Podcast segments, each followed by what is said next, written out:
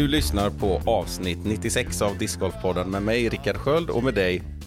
Simon Terbrand Säfström, avsnitt 1 eh, 2024. Just det, så är det. Så är det. det är det tredje kalenderår, fjärde kalenderåret. Fjärde kalenderåret blir det. Det är ju lite konstigt. Mm. Men så är det. Så blir det. Vi firar tre år i maj, Ja, men det är fjärde kalenderåret vi kör. Det är coolt. Ja, Vi, vi ångar på eh, och eh, stannar eh, sporadiskt längs vägen. Lite grann så. ja, ja. Om vi ska hitta lite metaforer här. ja. Mm. Du menar lite uppehåll sådär ibland? Ja, precis. exakt. Jag tror, det, ska, vi- det ska vi sammanställa när det är dags i maj där inför tre års. För jag, jag, Mm. I huvudet sådär kommer fram till att men det, är, det är ganska bra frekvens ändå. Ibland känns det som att vi, har, vi har ju haft tre veckor borta av goda skäl. Mm. Men att vi, det, det är inte så långt mellan avsnitten i snitt. Nej, nej, men det stämmer nog. Eh, det borde ju gå ganska snabbt att räkna ut så sett. Särskilt inte om vi kör typ tre avsnitt i veckan fram till maj så kommer det se jädrigt bra exakt. exakt. Men, eh, nej, men nu är vi här i alla fall och eh, det känns ju gött. Avsnitt 96. Mm. Mm. Iade jag mig fram till. Ja, exakt. Det var ett fint iande. Både som eh, societeten i, i Stockholm eller på västkusten. Exakt, exakt. Eh, och eh, en, en snabb fråga som jag lärde mig i ganska ung ålder tror jag med tanke på att jag är från Bohuslän och öarna där folk iar och sånt. Men jag tycker det är lite intressant var liksom iandet kommer ifrån. Alltså i på Lidingö typ, alltså fina, som du säger, finrummen i Stockholm. Varför iar de egentligen? De har ju liksom inte det i grunden som, som jag har tolkat i alla fall. Mm. Eh, och det, det har du också lite koll på förstår jag. Mm, ja, det är kopplat eh, till varandra, men jag har, jag har inte den hela historien där. Nej. Men att eh, ja, de har tagit med det från sina västkustturnéer. Ja men exakt. Att, eh, framförallt nu är det så väldigt vanligt ändå med liksom, vad ska man säga, sommarhus och sommarstugor och boenden på västkusten och sånt. Eh, för om man så bor i Norge eller Lidingö eller sådär. Men, men kanske om man går tillbaka lite i tiden då var det, då var det verkligen så här fint att man hade, hade råd att ha sommarhus ute på vä- västkusten eller Bohusläns skärgård eller sådär. Och då, då, mycket riktigt tog man liksom med sig det in Stockholms finrum. Mm. Så det är lite roligt, och liksom pratar Åke Postol eh, samma liksom dialekt som ja, inte Som- riktigt kanske. Jag tror inte de smälte in på Lidingö. Där har vi rädd för grizzlybjörn i Skär- Skärhamn om man skulle åka in från någonstans. Precis. Men själva principen att de pratar samma som, man ska säga, eh, Beatrice Kylenstierna. Exakt. Ja, herregud. Roligt. Ja, det var någonting mer där. Mm. Nej, det var nog bara att åka från Ostol. Det, det, det, Det är väl- det är väldigt roligt, vissa Ja. av de här grejerna. Det får du nog förklara. Det är ju ga- från Galenskaparna. Ja, de gjorde väl en, en ja, det var väl film från början tror jag. Alltså det är väl en film. Jag vet inte om det är en scenshow från början. Eh, Jag har tolkat det som att Åke från Ostol är liksom en typ musikvideo. Ja, nej det är liksom en musikal tror jag. Ja, men precis. Ja, Mm. så att eh, det är... ehm, eh, ja, men det är Åke från Ostol. och Det är väl, jag, jag, jag, det var länge sedan jag såg detta nu. Men han, eh, han har väl det svårt med salterit. Ja, Och fiske, fisket ute på Ostol som är en liten ö då utanför Tjörn kan man väl säga. Ja, Söder, precis. syd, väst nästan. Exakt. En Eh, ö utanför ön liksom. en liten båttur från Rönnäng. Mm. Eh, och eh, då blir han väl, känner väl en ökad press att han måste flytta in till fastlandet då, Mm. som är Tjörn. Som är alltså en ö utanför fastlandet. Ja. Eh, med huvudorten eh, Skärhamn eller Skärhamn som man säger. Mm. Och eh, skaffa sig något annat jobb. Och då är, då är det en sån här väldigt mastig vi, visa som han drar för sin, sång, eh, för sin son. Eh, som är pa- Pappa flytta inte in till Tjörn tror jag den heter. Precis, så det är tvärtom. Det är sonen som sjunger det till honom. Ja, exakt. Mm. Och då är, då är det liksom verkligen så här att, eh, att sonen också ska klara sig själv. Det är ju, du är ju stor nu, du är ju nästan 37, som rimmar så bra. Och så är det alla, alla faror han radar upp för att åka till, åka till Skärhamn. Det är, det är bland annat grizzlybjörnar, och trafik och gängvåld. Och, Gangsters. och- Ja, och den här är ju säkert från 90-talet tror jag. Mm. Så det var ännu mindre snack om gängvåld, ännu mindre i Skärhamn tror jag. Ja. De har ju, de har ju, ni på öarna, drar in det där. Mm. Har inte ni den här stora grejen med, med majbrasorna, att man snor granar från varandra och det blir nästan våldsamt? Uh, det här med stölden har inte jag, eh, inte jag liksom, har inte varit närvarande under min uppväxt. Men däremot så, och, och inte majbrasa heller egentligen, utan för oss var det påskbrasa. Ja, men, ja, men det är nog Mm. påskbrasan. Mm. Ja. Eh, så, och, det är ju väldigt så lokalt vad jag förstår. Vissa har en stor jävla brasa på påsk och vissa har det på, under maj då, Ja. firandet valborg och sådär. ja, Men det är som du säger, att det, det, ja, det, den, är, den är rolig i alla fall den här eh, låten eller musikalen. Säga, när eh, nedskärningar på salteriet ja. gör att de behöver kanske flytta på sig. Mm. Hur som helst. Ja, annars vad har hänt sen sist? Har det varit en bra jul? ja absolut. Mm. Som vanligt intensivt och uh, uttröttande, men eh, för att det är så härligt. Mm. Eller hur? Jo, men absolut. Det, det är ju sådär. Jag har också känt att jag har varit ganska trött. Men det är ju för att jag har... Eh, alltså jag, det är liksom när jag stannar upp lite Mm. så märker jag att det är nog bra att jag gör det kanske istället. För det kan vara lite full fart ibland, det vet ju du också. Ja. Eh, och då så märker man det när man väl andas ut lite grann. Att bara, huh, vad skönt. Och så sover man i tio timmar. Ja. Ja, men, eh, Ingrid, femåringen hemma, höll sig också vaken till midnatt. Hon hade bestämt sig för det sedan länge. På nyårsafton pratar jag om nu. Eh, och det kanske man inte ska gå ut med att hon fick göra. Men det var, det var väldigt envist och det var mest bara att luta sig in i det. Och så bestämde vi att vi går ut liksom och, och i vagnar. För vi har en sån här stor springvagn som hon får plats i. Så har vi den lilla i den andra vagnen. Och, och tittade liksom på fyrverkerierna. För hon, var hon har ju aldrig sett fyrverkerier då. Och vi måste gå ut för att se fyrverkerier, vi bor inte så centralt. Ja, hon som, somnade ju liksom fem över i vagnen. Och sen, men sen eh, när vi kom hem och lagt den, det var ju pyjamas på och borstat och alltihopa. Men då, då blev det ju sådär, det, på det här symptomet att man, eh, när man stannar upp och, och, och blir trött, då vaknade hon och typ spydde upp allt, liksom, hela, hela nyårsmiddagen. Och det var ju så här, vi bara, hon är inte sjuk, hon är bara utmattad. Liksom. Vi får skärpa oss nu. Imorgon så börjar vi ordentligt. Är Liksom, man åker runt så mycket och det är kusinerna är där och så är det kusinerna där. Och så är det, var vi på, var på lekland två dagar i rad med olika sällskap. Eh, dagarna före nyårsafton. Det, bara, det är helt galet. Så det, det gäller även femåringar. Man får, vara, man får vara snällare mot dem. ja. Och inte vara så snäll och bjuda på lekland varenda jävla dag. Nej, exakt. Ja, Mm. det kan jag tänka. Ja, eh, men eh, det var det om julen och nyår ja. Ja, Mm. just det. Det kanske måste ta en jingle här nu för att få någon styrsel i detta eller? Det gör vi. Ja. Vi har ju sagt lite innan att vi har nog in, kanske inte samma typ av eh, silly season-avsnitt som vi haft innan. Eh, alltså att vi spekulerar och gör listor och jag tror det här. För att vi båda kanske eh, lite grann är insyltade och tyvärr kanske har facit i vissa fall. Eh, nu har, jag kan säga att jag har inte facit på de stora bomberna, världsbomberna såklart. Eh, så där kan man ju spekulera lite. Men för oss kanske det blir mer relevant sen att eh, analysera vad det blev. Ja, jo, men exakt så. Och, och det ser vi framåt och det börjar redan droppa lite här och var. Det, eller en hel del har ju kommit ut. Liksom sådär. Mm. Ehm, så det är ju, det ska bli väldigt roligt att göra den eh, sammanställningen, men det kanske är, eh, ja, vad vet jag, fem, sex veckor bort eller någonting. Mm. Och så kan vi ju ändå resonera kring det idag lite Mm. grann. Eh, och eh, vi ska börja med oss själva. ja, så vi har det eh, bort... Eh, Ö- sopat. Liksom. Ja, Ja, exakt. Nej, men jag, jag har ju varit sponsrad av, av Rocket Disc och varit väldigt nöjd med det. Men jag kommer Mhm. inte vara sponsrad av någon nästa år. Nej. Och det, jag gjorde ett Instagram-inlägg om det, för det måste man göra för det första.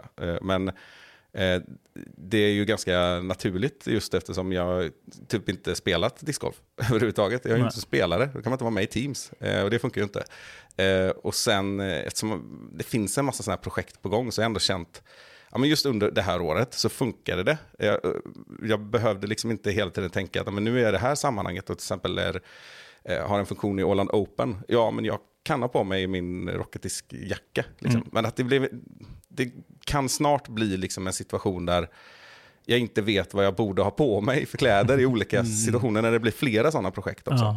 Eh, Så då tror jag att det är bra med en period i alla fall av eh, helt neutralt. Och jag har, inte, jag har inga stora anbud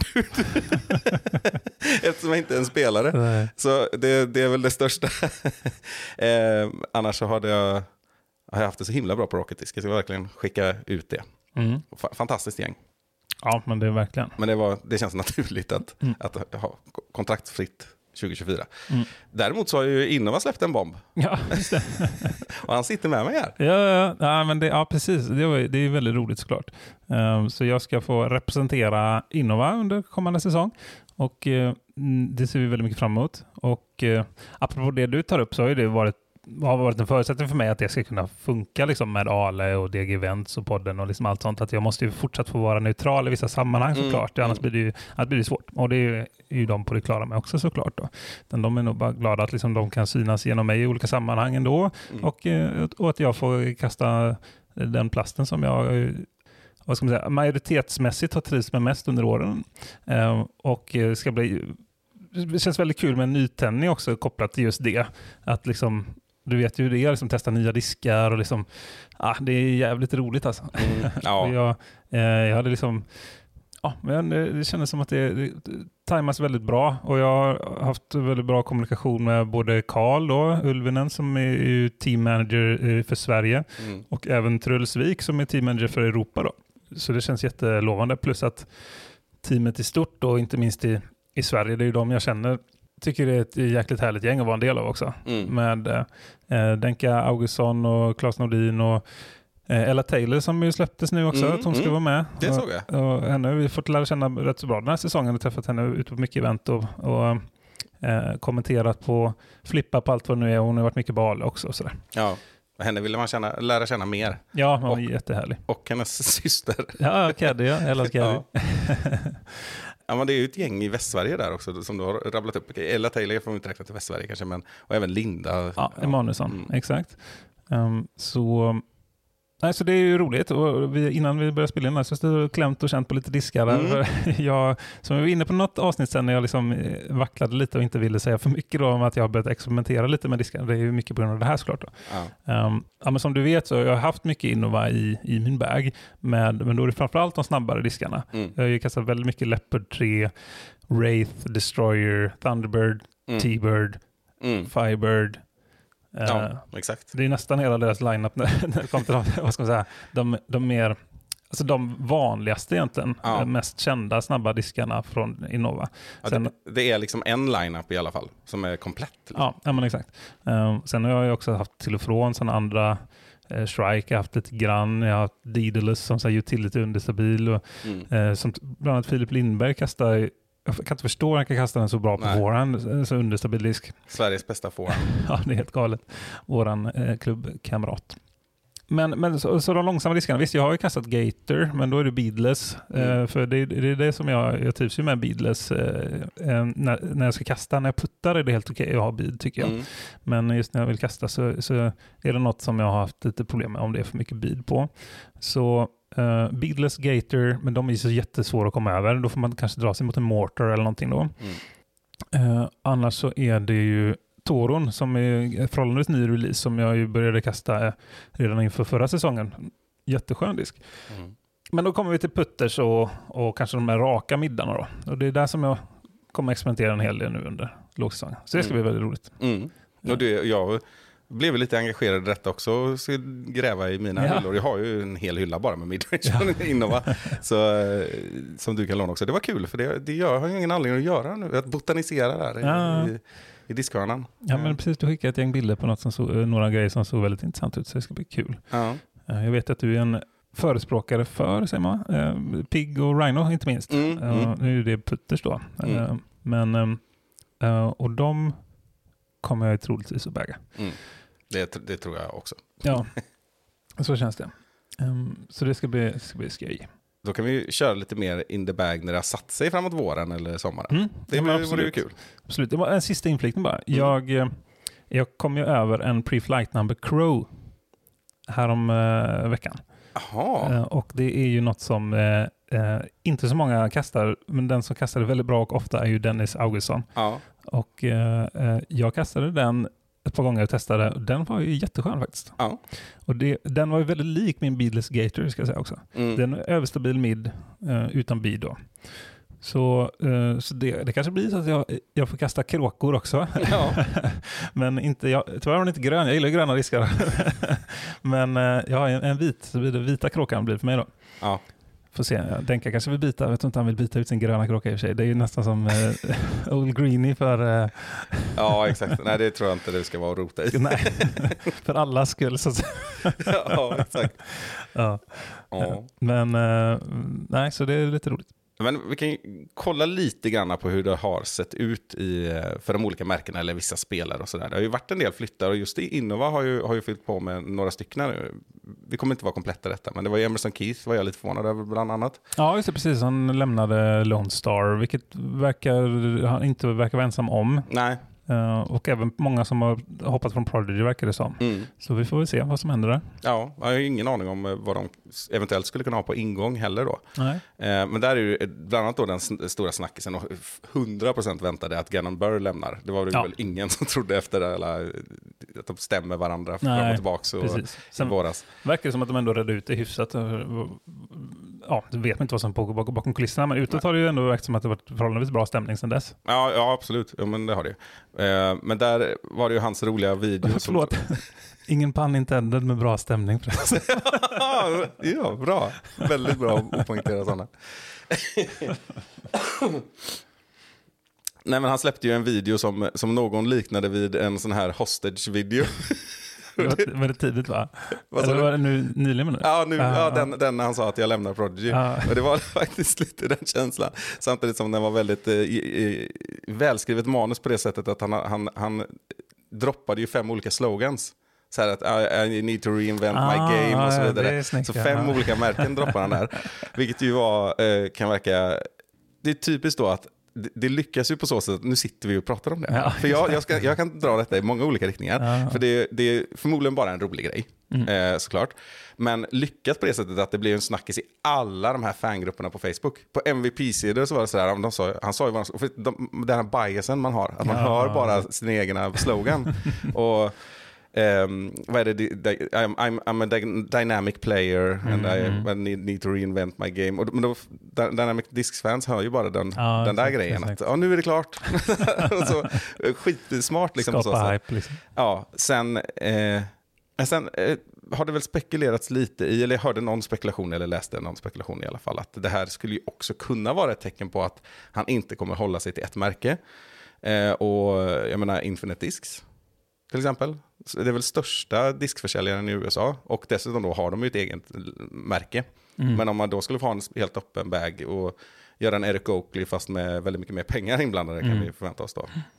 Det hade väl inte varit, det är ju inte otänkbart. Nej, Drew Gibson har ju varit där. Eh, Dave Feldberg har ju varit där. Mm. Eh, Lykke Lorentzen eh, Just det. ny- jag har ju också gått dit från Prodigy då eh, till eh, Thoughtspace och Infinite. Mm. Ja, och nu vet jag inte hur det är med till exempel eh, eh, Thomas Gilbert. Ja, precis. Thomas Gilbert, om han, eh, för han är ju också med Thoughtspace. Jag vet inte om han också är med Infinite. För det verkar ju vara som att de har någon collab där liksom. Ja, och jag, jag tror, han har ju haft eh, tillåtelse att kasta andra diskar också Ja. i alla fall. För han, har ju haft, eh, han var ju på Åland och han, jag undrar om inte han kastat upp en destroyer och sånt. Jo, det gjorde han. Jag fick faktiskt kolla hans bag där och det var väldigt mixat. Ja. Eh, och det är ju så för att Thoughtspace har ju inte jättemånga molds ännu.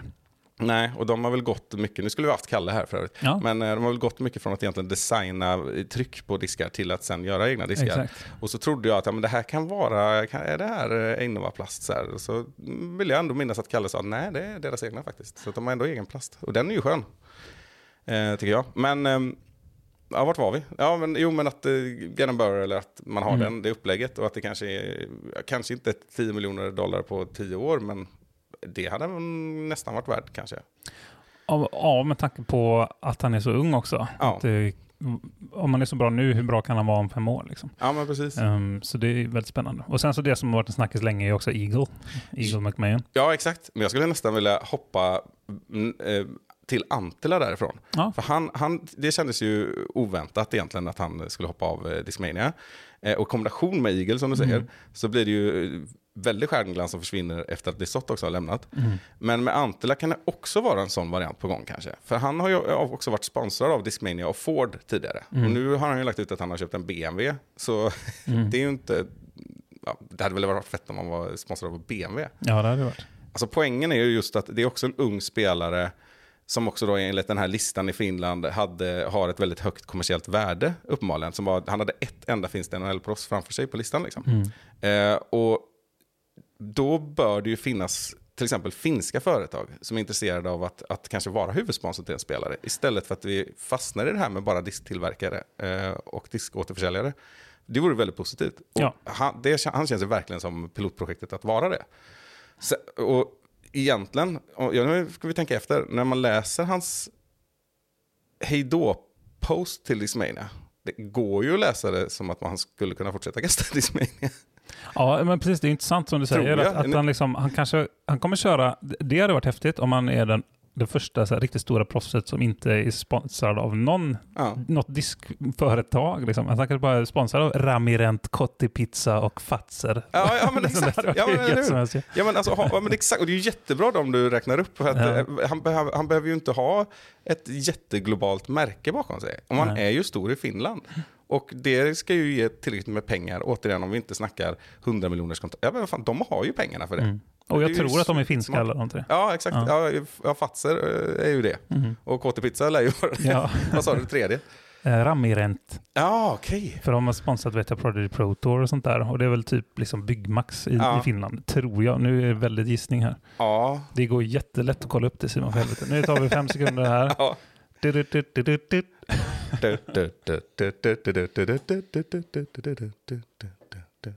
Är det hissmusiken nummer ett som kommer?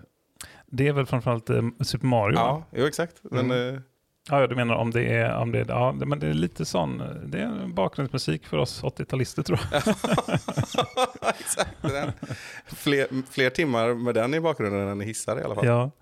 Ramirent är ett finskt företag som bedriver uthyrning av maskiner och Ah. utrustning såväl byggindustri som övrig industri. Ja, Det typ var då. det jag tänkte faktiskt. Jag skulle ha sagt det. Det var ju nästan eh, vad jag sa då, fast lite mer kanske åt det. Men K-Rauta, Ja, ja. det är ju det finst. ja, det låter väldigt fint. Ja. Ja. Och så har de ju Taffel då, som är det stora så här, chips, eh, deras est- Estrella. Våra Estrella. favorit, favoritfinska företag. Ja, exakt. Definitivt. Dessutom produceras på Åland också. Mm.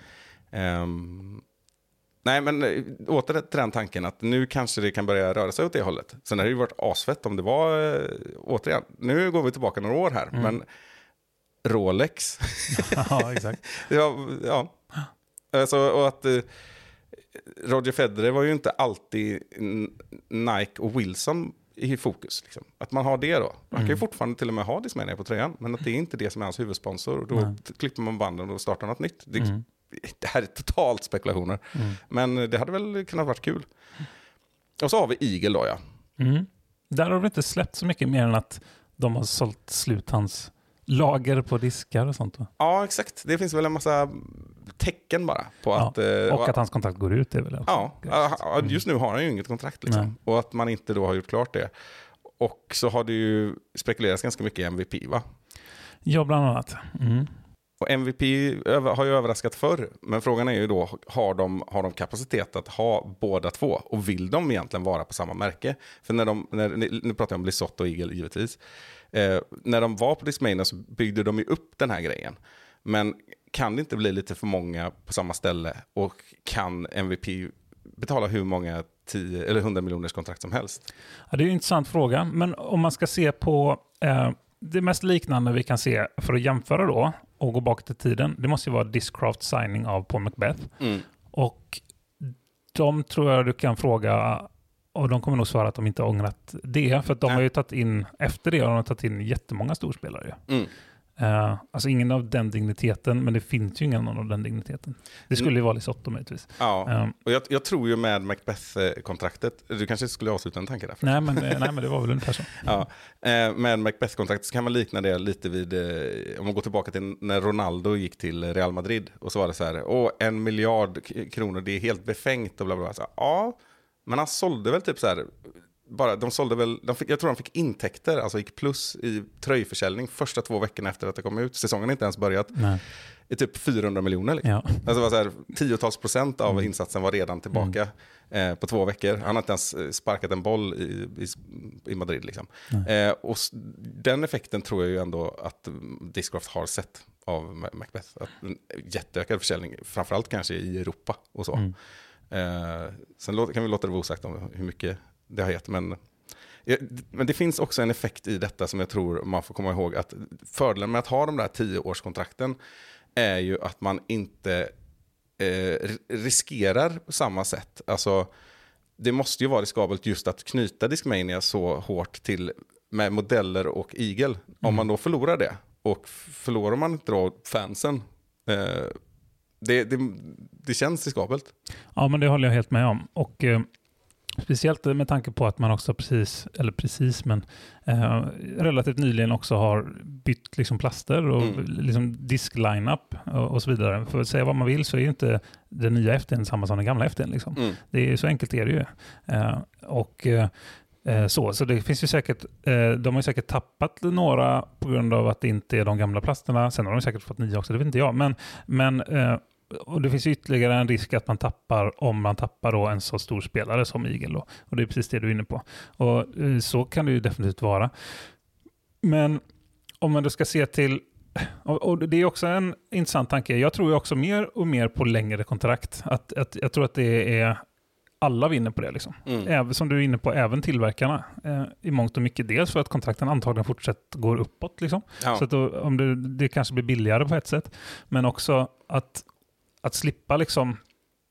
Eh, det måste ju kosta pengar också att liksom göra om lineups och göra om eh, kontaktvägar och, och, och liksom kontrakt och allt möjligt. Liksom. Mm. Det måste ju kosta lite resurser det också. Ja, på något sätt kan man ju se Macbeth som en anställd som verkligen har blivit varm i kläderna under många år och har många år Ja. kvar att utvecklas inom eh, en organisation. Liksom. Ja, men precis. Och, och som, som vi var inne på lite där med att de, Discmania, nu vet vi inte om Igel lämnar, men att de som sagt de har ju rensat hans eh, hyllor liksom, på Mm. diskar.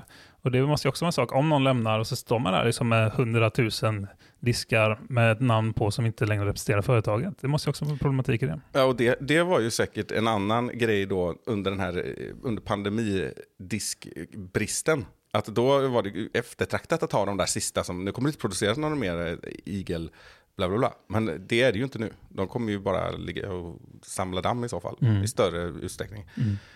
Och sen kan man ju, ja, det har ju snackats om Innova, sa vi kanske, eller inte, eh, om Igel också. Och det känns ju faktiskt, ja, jag tycker det känns eh, fullt möjligt. Just, just att MVP, det var mycket skepsis till att MVP skulle eh, värva Lisotte förra gången. Inte kanske i första hand från mig, det tror jag inte, jag tror tvärtom. Men denna gången tror jag att det är mer befogat att ha den skepsisen kring ett sånt rykte, just för att det känns som att lite grann, eh, det är lite over the top. Om man har Lisotte så behöver man inte Igel 2024. Det känns inte så. Det Nej. känns onödigt. För att jag, jag tror att han eh, tycker att han förtjänar ett lika stort kontrakt. Och det tror jag många kan hålla med om. Även om det är svårt att argumentera för att Lisotte inte är störst i Mm. massa bemärkelser.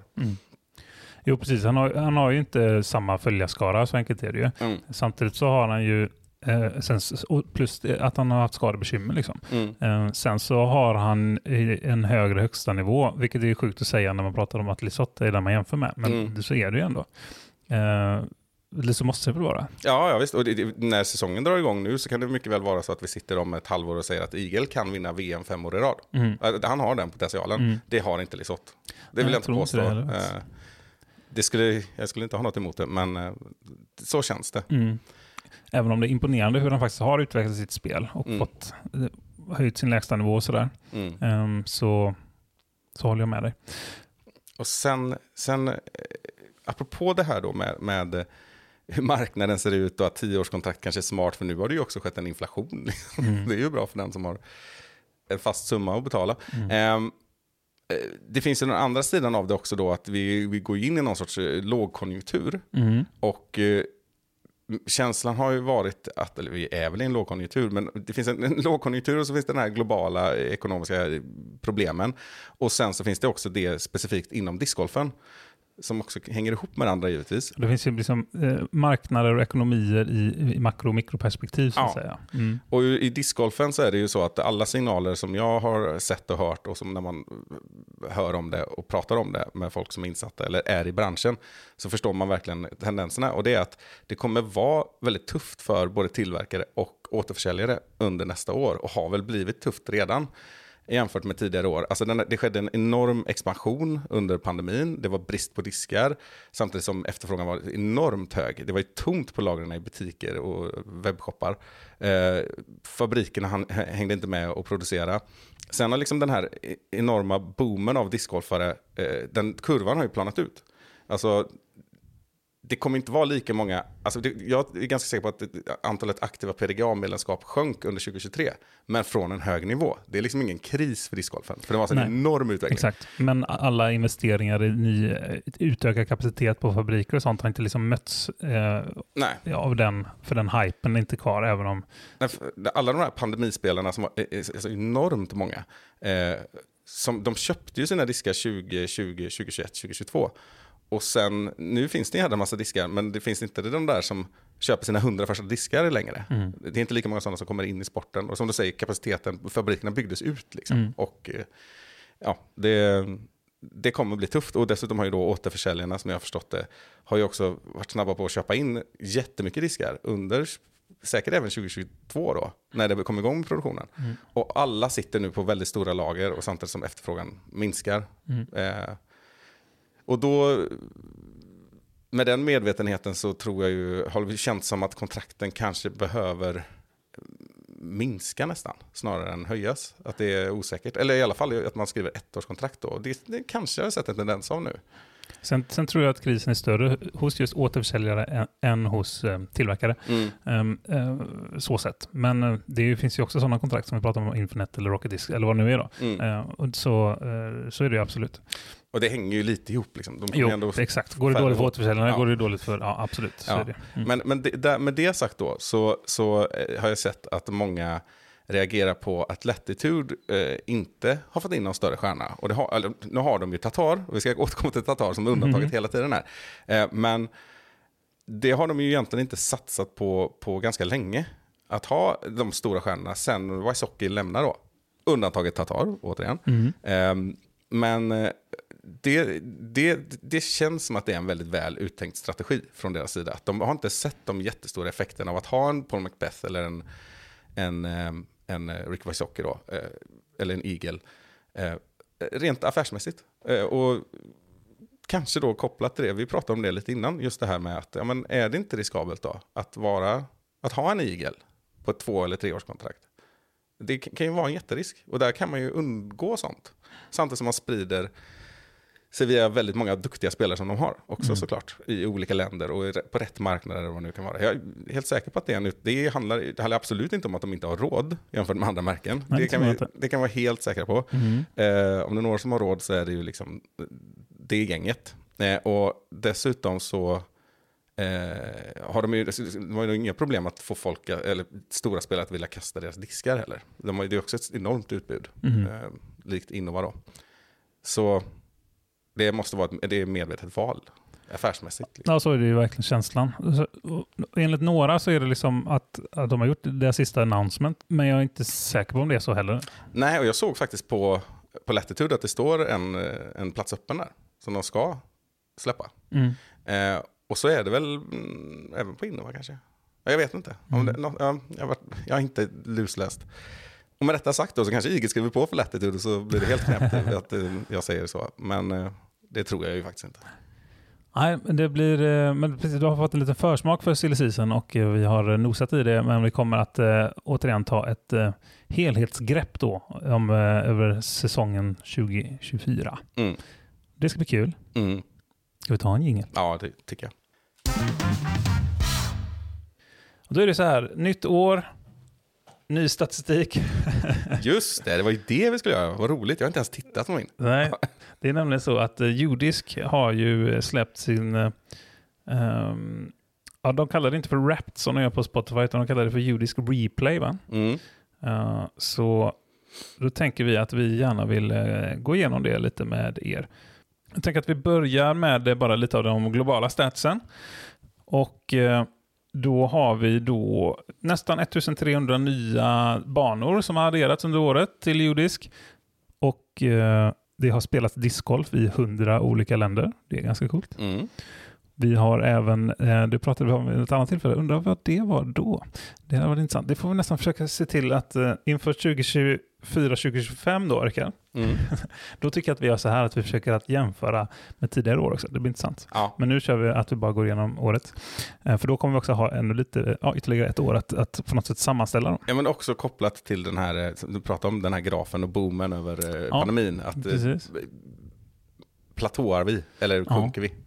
Exakt så. Och eh, det kan man ha utifrån flera perspektiv också, inte bara judisk stats då, men eh, ja, det, det ska bli kul. Men hur som helst då. ehm, The busiest day kommer jag ihåg att vi skojade åt om något avsnitt för ett år sedan nämligen. Jag vill, jag vill påstå att det var 8 augusti förra året.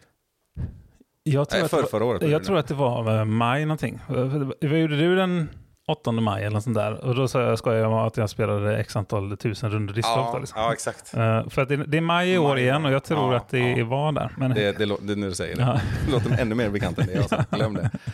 21 maj var det här i alla fall. Då. 131 128 rundor. Ja, Mikael Andersson stod för hälften av dem. exakt.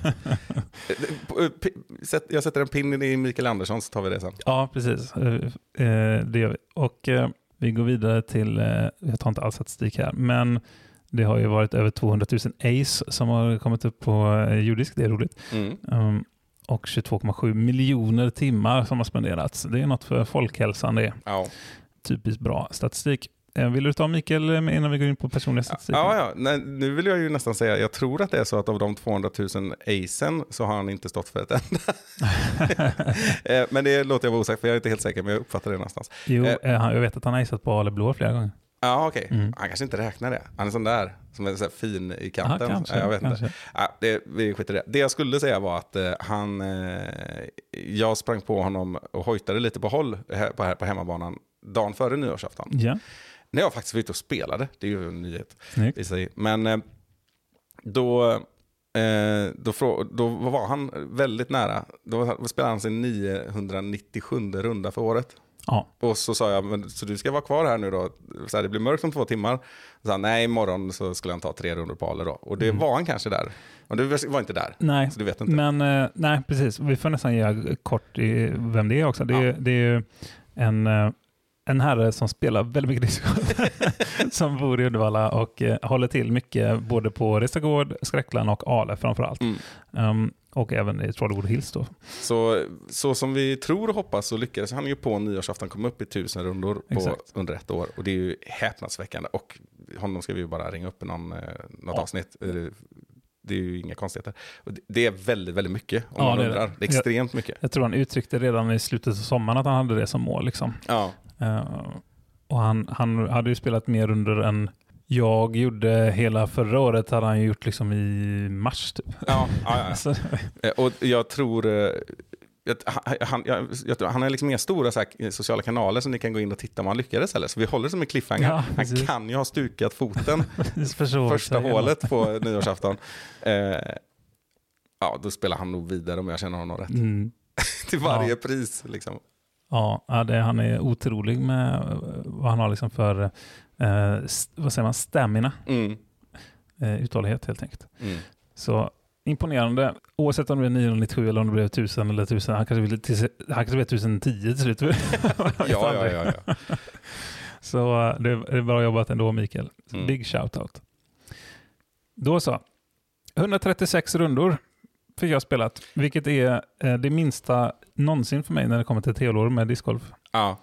Det låter väldigt lite, ja. Mm. För eh, alltså, min, min sån där statistik är helt ointressant för att jag använder inte jordisk på det sättet. Nej, Eh, men i år har jag ju ändå eh, kanske använt det mer. Just för att jag bara spelat casual. Jag har ju spelat Mm. en PDGA-tävling. Liksom. Och jag lägger ju inte in PDGA-tävlingar och sånt där. Nej. Jordisk skulle jag aldrig få för mig.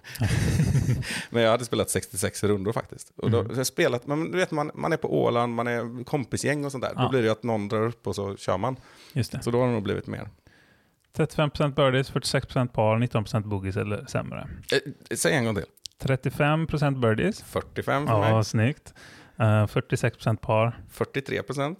Och 19% boogies or worse. 12 procent. Men jag har Mm. nog spelat lite småbanor. Ja, Jag eh, har inte varit så mycket på Alevit liksom. nej, så kan det vara. Så kan det vara. Ja. Så Eh. det säger återigen Nej, det, här, det här säger det är väldigt, ja men precis, går du en jojo på Skräckland eller en jojo på Alevit, ganska stor skillnad Ja. så att säga. Men vi hoppar vidare. Man ska återigen komma ihåg också att det finns väldigt mycket rundor i Qing och det finns väldigt mycket som i Finland och Upsi som ingen i Sverige Ja. använder. Och så här. Men, men statistiken säger någonting det är, och det här är den största plattformen så det är inget snack om det. Men, och, min personliga säger väldigt lite, förutom då när det kommer till antal banor. Ja, Det exakt. Det är det som är lite roligt. Och nu, jag, har ju, jag tänker jag bara kan dra de fyra banorna jag har spelat eh, mest. Mm. Kanske ingen skräll. Nej, Jag tror jag kan gissa alla fyra faktiskt. ja. Ale gul, Ja, Ale vit, ja, Ale blå. ja. det här är bra Det kan vara den sämsta listan någonsin. Eh, Resta gård i Vänersborg. Jajamän, dem. Så det var ju de topp fyra som jag sökte. Ja, Mm. ja. Jag, jag får inte upp någon sån topp... Eller jo, det kanske kommer sen. Jo, här har vi. Jag har... Ja, det, det är ju lite intressant. Jag har, jag har Ale gul, Ale blå. Inte Ale vit. Men så har jag Skräckland då som är niohålsbanan Mm. lokalt. Och sen har jag ju då eh, Lions Club, Ma- Mariehamn. Det. Fler än på Resta Gård alltså. Ja, ja, ja, ja. Sen ska man ju komma ihåg då att det säger ingenting här. Jo, det säger någonting. Det gör det. Det är kul att det skiljer sig åt så att jag har varit lite mer på Åland. Men eh, alltså Skräckland har jag gjort flest rundor på. Det är sju. Och det, Mm. det har jag, jag har ju spelat fler än sju rundor Ja. på Skräckland. Och jag spelat mer än tre rundor i Mariehamn också tror jag. det måste jag ha gjort. Man brukar ju oftast två varv i stöten Ja, på den niohålsbanan. Så mm, det, vi skiter i det. Vi hoppar vidare till den här eh, där man ser antalet banor spelade för året och hur många av dem som är nya då. Mm. Och där har jag 45 olika banespelare 2023 och jag har 27 nya. Mm. Jag gissar att du vinner med. Ja, Mm. det är jämnt. Du hade 45 och jag hade 47 Oh. banor. Eh, och du hade 27 sa du, Ja. nya banor. Mm. Och jag hade 31. Mm. Så jag har tagit in fyra Ja, där. du har faktiskt gjort det. Ja. Eh, och jag är ganska säker på att jag ligger på 297 banor totalt. Och det är ju den siffran jag är intresserad av. av dumma skäl som jag aldrig skulle gett mig in på. Vad var det han sa i Yankees? It's a sick disease. It's a sick addiction. Sick addiction, ja. Jajamän. Ja, det är det verkligen. Eh, ibland kan jag ligga vaken på nätterna och oroa mig för att barnen försvinner. Och så, Ja, Att man borde haft det här Excel-dokumentet som han har vid sidan av. ja, exakt. Ehm, Det är något roligt med att samla så. mm. Men det är fortsatt dig jag har spelat mest med. You, Mm. You're my disc golf BFF. Ja, just det. Och det är ju definitivt samma för mig. 16 rundor i år, ja. Mm. Vi, vi, nu har vi också spelat flest rundor med varandra än med någon annan, va? Ja, exakt. Ja, Du gick Jag om eh, Henrik Berggren här Ja. efter ett par års nötande. ja det, var ju, det var ju på tiden. Han hade, han hade inte riktigt en chans nu, tror jag. Även framöver kan det nog bli tufft. Ja, precis. Det är min eh, gamla Norrköpings kompis. Mm. Eh, Jag kan väl också avsluta då med att säga vad jag har totalt för antal banor. Då, då är jag uppe i 316 unika banor. Då. 316 ja, och jag har mycket riktigt 297. Så jag får Mm. väl försöka göra en Simon och göra något speciellt av den där tredje 300. nya banan från nu, när det är 300 ja. Vi kanske borde starta i, inom eh, ornitologin, alltså fågelskådar-communityn, så finns det ju en 300-klubb. Ja, just det. Eh, Alltså de som har sett 300 unika fågelarter i Sverige, tror jag är premissen. Det är ju, men det är ju det är helt klockrent. Det är varför finns inte det redan? Är du Nej. säker på att det inte finns? Ska vi ringa Avery? Precis. Men eh, eh, så det borde ju, vi borde ha en 300-klubb i discgolfen. Ja, Eh, det skulle ju ge ett helt annat värde. eh, ja, och då kanske inte behöver vara i Sverige dock, utan eh, kanske det är globalt. Ja. Om man vill ha, man kan ju få mer kvalitet på listan om det är. Det skulle ju vara en Globalt. jätte, jätteintressant för banor att få vara med på den listan också. Tänk att vara en 300-klubben-bana. Ja, men menar du då att det ska vara de 300 bästa just eller? Jaha, eh, jaha, det är en 300-klubb för vilka fåglar som helst. Jag trodde det var specifika fåglar man skulle sett. Nej, det handlar om att du ska ha sett 300 unika arter helt enkelt. Ja, ja, ja, jag trodde det ändå var så här, du, har du sett blåmes? Har du sett den här? Alltså det var specifika så här som är... Men det, det, jag, jag Jag, tror ingen- inte det ser ut så. nej, alltså det var, det var bara spekulation. Jag har Mm. ingen koll på det. Nej. Eh, överhuvudtaget. Jag ska vara väldigt tydlig med detta. Ja, jag ska också vara tydlig med att jag är inte så pass nördig att jag själv är med i den här klubben. Men du har ändå så här läst på universitetet. ja, just det. Precis. Jag, jag, jag, jag tentade av en, eh, en, eh, en kurs i Bird Identification på Nord-Trøndelag universitet i Norge eh, på distans då, när jag egentligen hade en annan tenta som jag inte orkade plugga för. Gräset är alltid grönare på andra sidan. så Ja. eh, det löste jag, så jag fick ett diplom. ja, nej men Ja, det kanske är tufft att administrera en sån 300-klubb med specifika banor, men det, ju- det hade ju varit en bra idé. Mm. Och man hade kunnat en colab med, med ornitologi-communityn som kallas, kallas för Birdie Hunt. Ja, ja exakt. Måste vara discgolfare och ornitolog för att vara med. Ja, exakt. Det är en väldigt smal klubb. Ja, Men jag tycker fördelen med det att ha specifika banor är ju att det borgar för någon sorts kvalitet. För att jag menar mina 297 banor, det är ju väldigt många banor som jag aldrig någonsin vill sätta mig fot på igen. Ja. Alltså småbanor, sexhålsbanor, förfallna, som ligger Mm. på judisk och det är hela kriteriet. Och det är ju inte kul. Utan då skulle man ju få motivation att inrikta sig mer mot, eh, mot de här kvalitetsbanorna. Jag håller helt med. Och vi har varit inne på det här innan. Vi har pratat om att vi kanske ska ha Discgolfpoddens Big 50. Ja. Eh, och vilket kanske är en rimligare siffra än 300 egentligen. Då. Ja, det Ja. blir bättre start i alla fall. Ja, exakt. Vi börjar med 50, Mm. vi börjar inte med 300 Nej. och sen 50. Exakt, exakt. Additional 50. Eller Ja. ja. man skulle kunna gjort det åt det hållet, det var inte så komiskt som jag trodde. Men, men och, det, och där, där tycker jag att vi ska ge, ska vi ge oss ett nyårslöfte? Mm. Det är ju ändå nytt år nu. Eh, nu är det den 2 januari. Mm. Eh, ska vi göra vår Big 50-lista och eh, så ska den vara klar innan vårt treårsjubileum? Ja, det låter väl rimligt. Ja. Jag tänkte du skulle är- säga så här, då har vi det 50 månader på oss. Ja, precis. Eh, nej, men så det innebär ju då alltså eh, i, ja, innan maj kan vi säga. ja. Mm. Det, det- kan vi, vi kan ha det som huvudsyfte syfte med vår nästa poddafton kanske. Mm. Fan vad kul, jag ser fram emot det här. Mm. Vi älskar ju listor och banor och poddaftnar. Du Håkan går fel. Exakt, verkligen. Det är ju Ja, klockrent. Jag tror att det, det är liksom plats eh, 40 och neråt som är det tuffa. De första rapar vi ur oss. Första 40.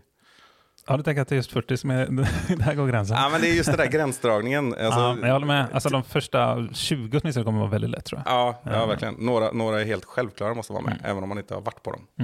Ja, men det är alltid, och då oavsett när du gör en lista, det har jag märkt när jag gjort Simons listor och sånt, det är ju alltid de sist, som du är inne på, de sista platserna som är svårast. Vilka Mm. ska man ta bort alltså? Mm, då, liksom? exakt, Det är exakt. det som är det svåra. Ja. Eh, och det är det du är inne på där, gissar jag. Mm. Så, mm, mm, intressant. Huvudet börjar redan jobba här. Ja. Ja. Eh, kul, kul. Eh, på tal om eh, banor. Vi, ska vi gå igenom som en sista sak här. Nu har vi pratat i snart 50 minuter. Eh, och eh, jag tänker att vi har ju, vi lovade att vi skulle återkomma till eh, omröstningen i Disco Sverige när den var klar. ja, just det. Och just det. det kanske är ett utmärkt tillfälle då när vi ändå är inne och pratar om toppbanor att eh, helt enkelt knyta ihop den säcken. Eh, eller vad tycker du? Ja, absolut. Och då har vi ju, eh, nu har jag den listan framför mig här. Och eh, mm, ska vi helt enkelt, vi dra- ska vi dra topp 10? Ja, För Så blir det inte, de har ju sammanställt topp 50 här men det blir lite många. ja, ja. Det är intressant att det är topp 50 där, har, då har vi listan klar.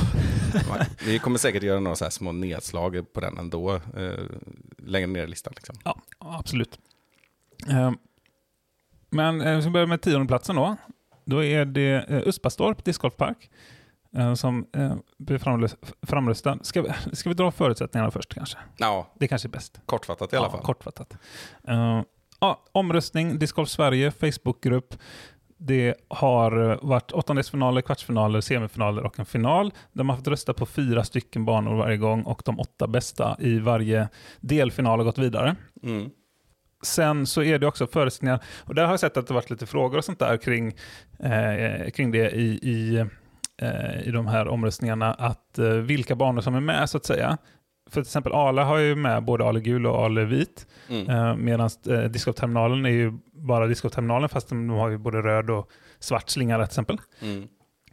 Men det handlar ju helt enkelt om vad, eh, det här är ju bara ett utdrag ur jordisk, Mm. så eh, har valt att ha det som en bana på jordisk fast olika layouter. Mm. Medans ja, det var väl Jonas och Camilla och de som beslöt att de ville eh, dela upp det. För från början trodde jag bara det var en bana, att Ale var klassad som en bana. Men sen så bröt de loss det då så att det blev tre banor, både blå, Mm. gul och vit, då, som är separata på jordisk. Det kan också vara så att, för det fanns ju, nu, nu blir det utsvävning, väldigt kort, att eh, från början så fanns det bara en bana på Ale som bestod av typ 7 eller 13 hål, varav nuvarande ligger, ligger hälften på vita och hälften på gula. Ja, de, de, de, det är i alla fall så de har utgått från att de har haft det som layout sen när det, när det har vuxit fram. Mm. På samma sätt som till exempel om det är på Mösseberg så får du bara en bana även om du spelar deras niohålsbana också. För det står också Mm. bara som en layout under samma bana. Ja, exakt. Eh, och där tycker jag att det är bättre. Eh, jag tycker att det är bättre att byta ut det, för det säger mer om varje specifik bana. Definitivt. Eh, om det inte är en layout som till exempel gul Pro då, det kan jag Mm. ändå tycka att det ska vara en layout under ja, Ale gul. Liksom. Abs- absolut. För det är ju Ja. ingen fullgod ensamma hål, utan där är det ju sju stycken Pro Tees då helt enkelt. Ja. Eh, Så där har vi klargjort det som eventuellt några hade lite frågetecken kring. Mm. Men som sagt, Uspastorp, eh, topp 10. Och eh, om vi går vidare till nionde plats så har vi Fålehagen, Motala. Mm. Har, hade, du har inte hunnit spela den ännu va? Nej, det är en av två banor på topp 10 som jag inte har hunnit spela än. Vilket hänger ihop med när de har uppstått och hur mycket jag har spelat. Ja, just det. Ja. Mm. Jo, men den är förhållandevis ny, men de har gjort ett gediget jobb där. Mm. Eh, och sen är det just den vi pratade om, discgolfterminalen då, eh, som har droppat fem placeringar faktiskt och ligger på en åttonde plats. Och där kommer det in mycket på det som vi har pratat om innan, tror vi då, att eh, den ligger så pass långt norrut och majoriteten av eh, aktiva discgolfare eller det finns fler helt enkelt i södra Sverige och de Mm. kanske helt enkelt inte har spelat discgolfterminalen. Jag är helt övertygad om att det är så.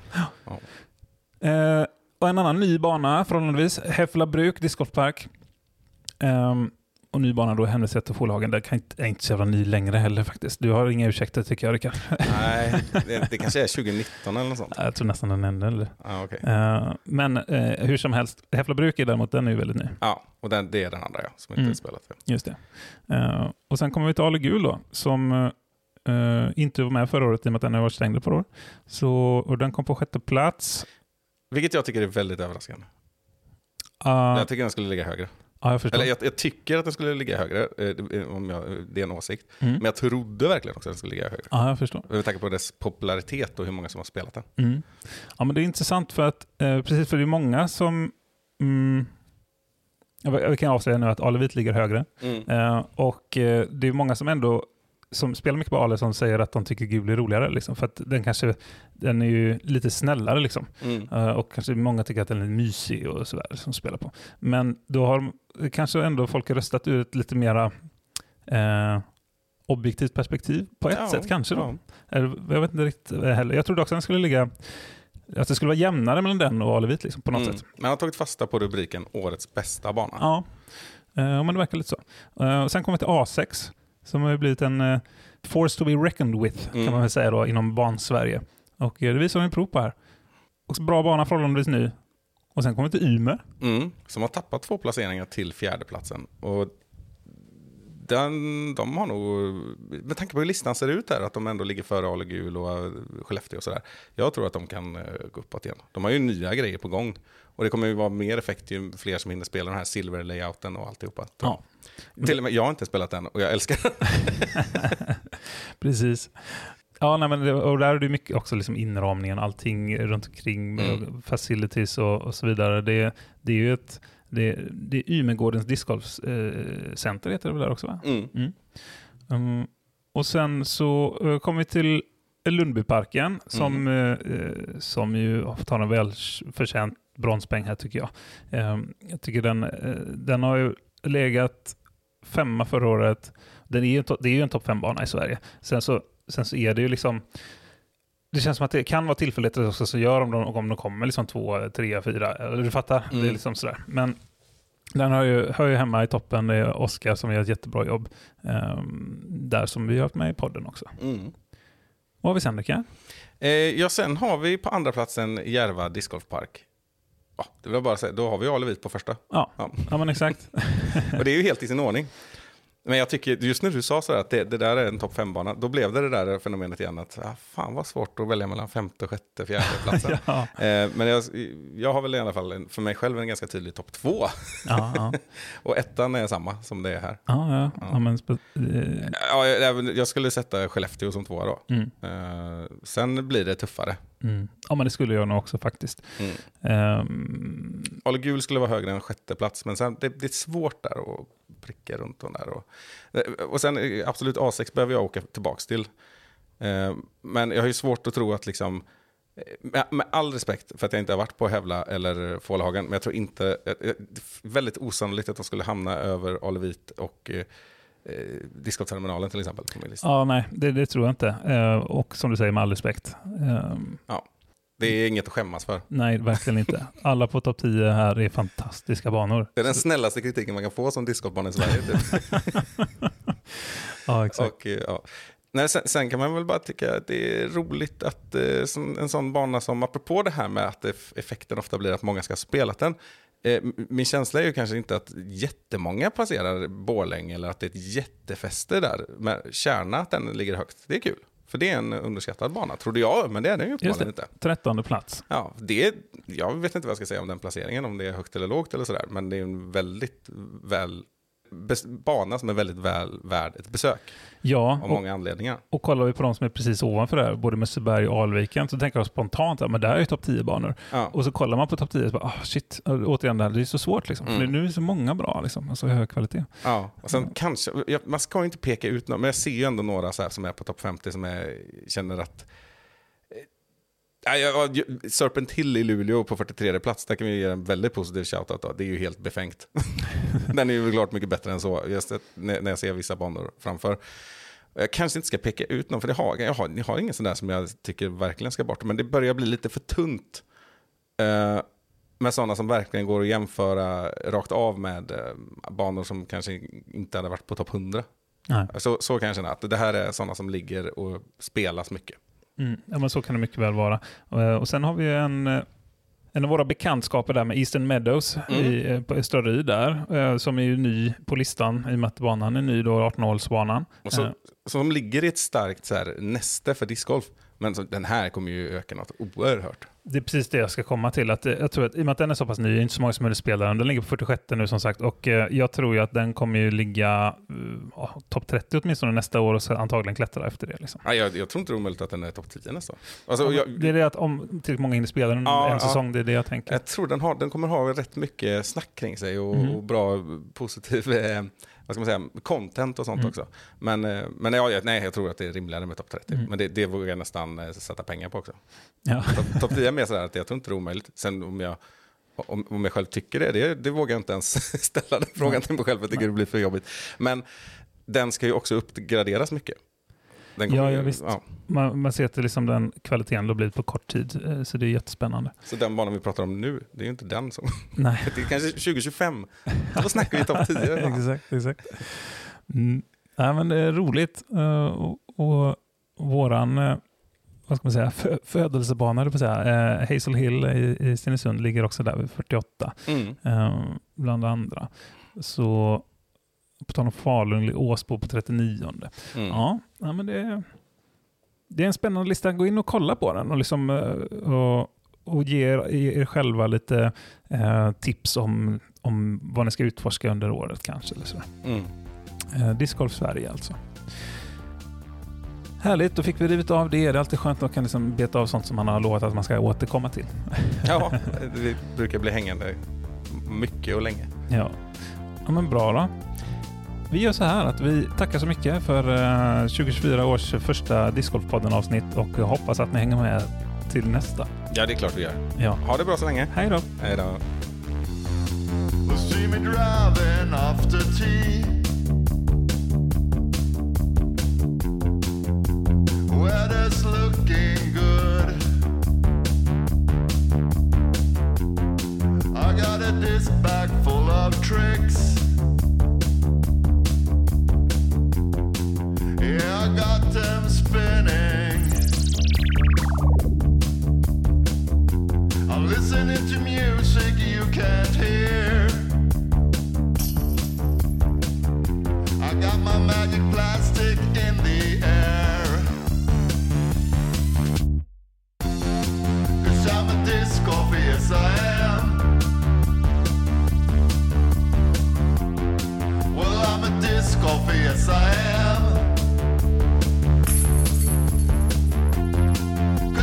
Well, I'm a disc golfer, yes I am.